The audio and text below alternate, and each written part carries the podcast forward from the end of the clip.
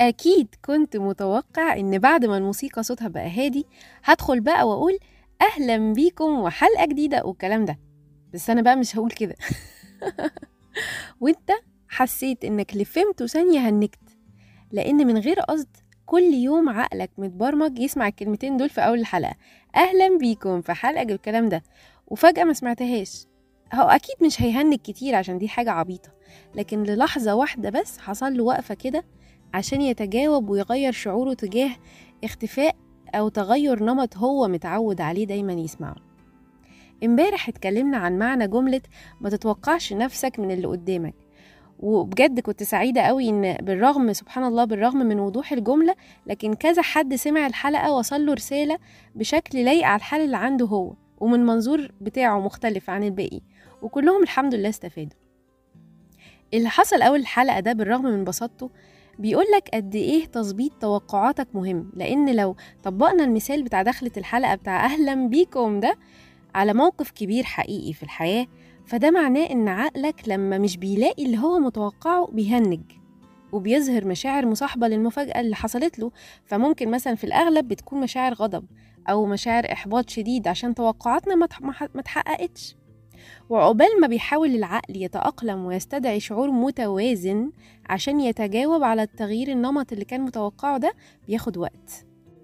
طيب وليه بقى كل التعب والعناء ده؟ ما تيجي أقول لكم على حاجة تختصر الطريق علينا حتى لو كان للنص. لأننا بصراحة هنعيش مرة واحدة المرة دي فالوقت ده كتير قوي يعني خسارة. المهم قبل ما أقول لك إزاي عاوزة أوضح بس إن خفض سقف التوقعات لا يتعارض بتاتا مع حسن الظن بالناس. فأنا ما بقولكش ظن إن الناس اندال عشان لما يطلعوا حلوين تفرح وتزقطط. ما قلناش كده. أنا بقولك اعرف إن أنت مش الناس. فتتعامل وأنت كول متوازن مش متوقع حاجة عظمة قوي يعني ولا متوقع حاجة وحشة قوي. عشان ما تضيعش وقتك بس. فإزاي أوازن توقعاتي؟ أول حاجة خلي توقعاتك عقلانية.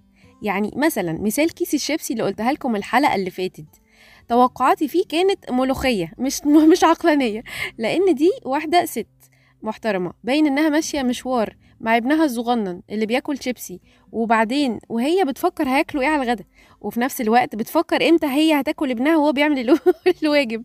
وبعدين رجلها وجعاها. وأنا بقى جاية أوريها إن الرصيف كان نظيف و... وإن كيس الشيبسي يا جماعة مكانه في ال basket ومتوقعاها تراضيني وتاخد الكيس ترميه وتعلم ابنها بقى إن كده غلط و... و... ف... فهي عامة كويس إنها ما شتمتنيش أصلا. مع إني أنا كنت بتكلم بذوق وابتسامة لكن توقعاتي مش عقلانية بالمرة. فمثلا ما ينفعش أتوقع من إن جوزي ياخد باله من الطاسة التيفال كل مرة يغسلها. يعني م... تمام؟ وما ينفعش أتوقع من بنتي اللي هي الثمان سنين إنها تفكر زي حد في الثلاثينات. بخبرته. وما ينفعش برضو أتوقع إن مثلا مامتي وبابايا هيفكروا زيي.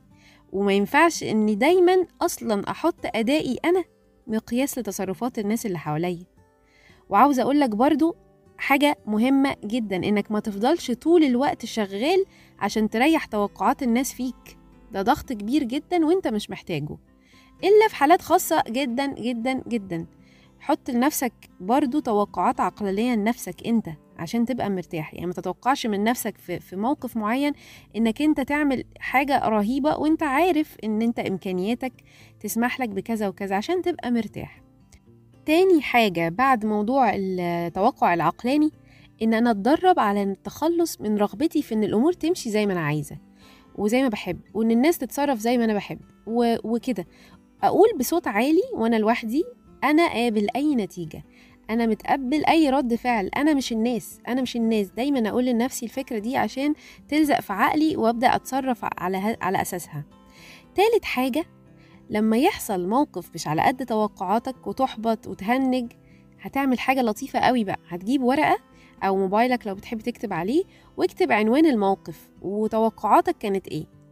واكتب سبب مستوى توقعاتك ده كان ليه. وشوف إذا كانت هي عقلانية ولا لأ. لأنها ممكن. قدام عينيك كده وانت بتكتبها تلاقي انها مش عقلانية خالص ولا لايقة على الناس ولا الموقف. وممكن كمان تكون عقلانية يعني مثلا نبهت زميلك على الموضوع ده كذا مرة فبالتالي هو لما جه يتصرف توقعت منه حاجة على مستوى اللي أنتوا اتكلمتوا فيه. فإذا اكتشفت إن توقعاتك ساعتها عقلانية. فتبدأ بقى تتصرف بتوازن وانت بتستجيب لزميلك برضو وتكلمه بالراحة وتقوله أسبابك بهدوء. فالتوازن في توقعاتنا شيء غاية في الأهمية وهيسهل علينا مواقف كتير زي ما أنتوا شفتوا كده ممكن تاكل مننا ومن وقتنا وطاقتنا من غير ما نحس. وخلصت حلقة النهاردة يا رب تكون كانت حلقة مفيدة وخفيفة وأهلا بيكم في حلقة جديدة من حلقات بودكاست عس بردية يومكم سعيد إن شاء الله مع السلامة.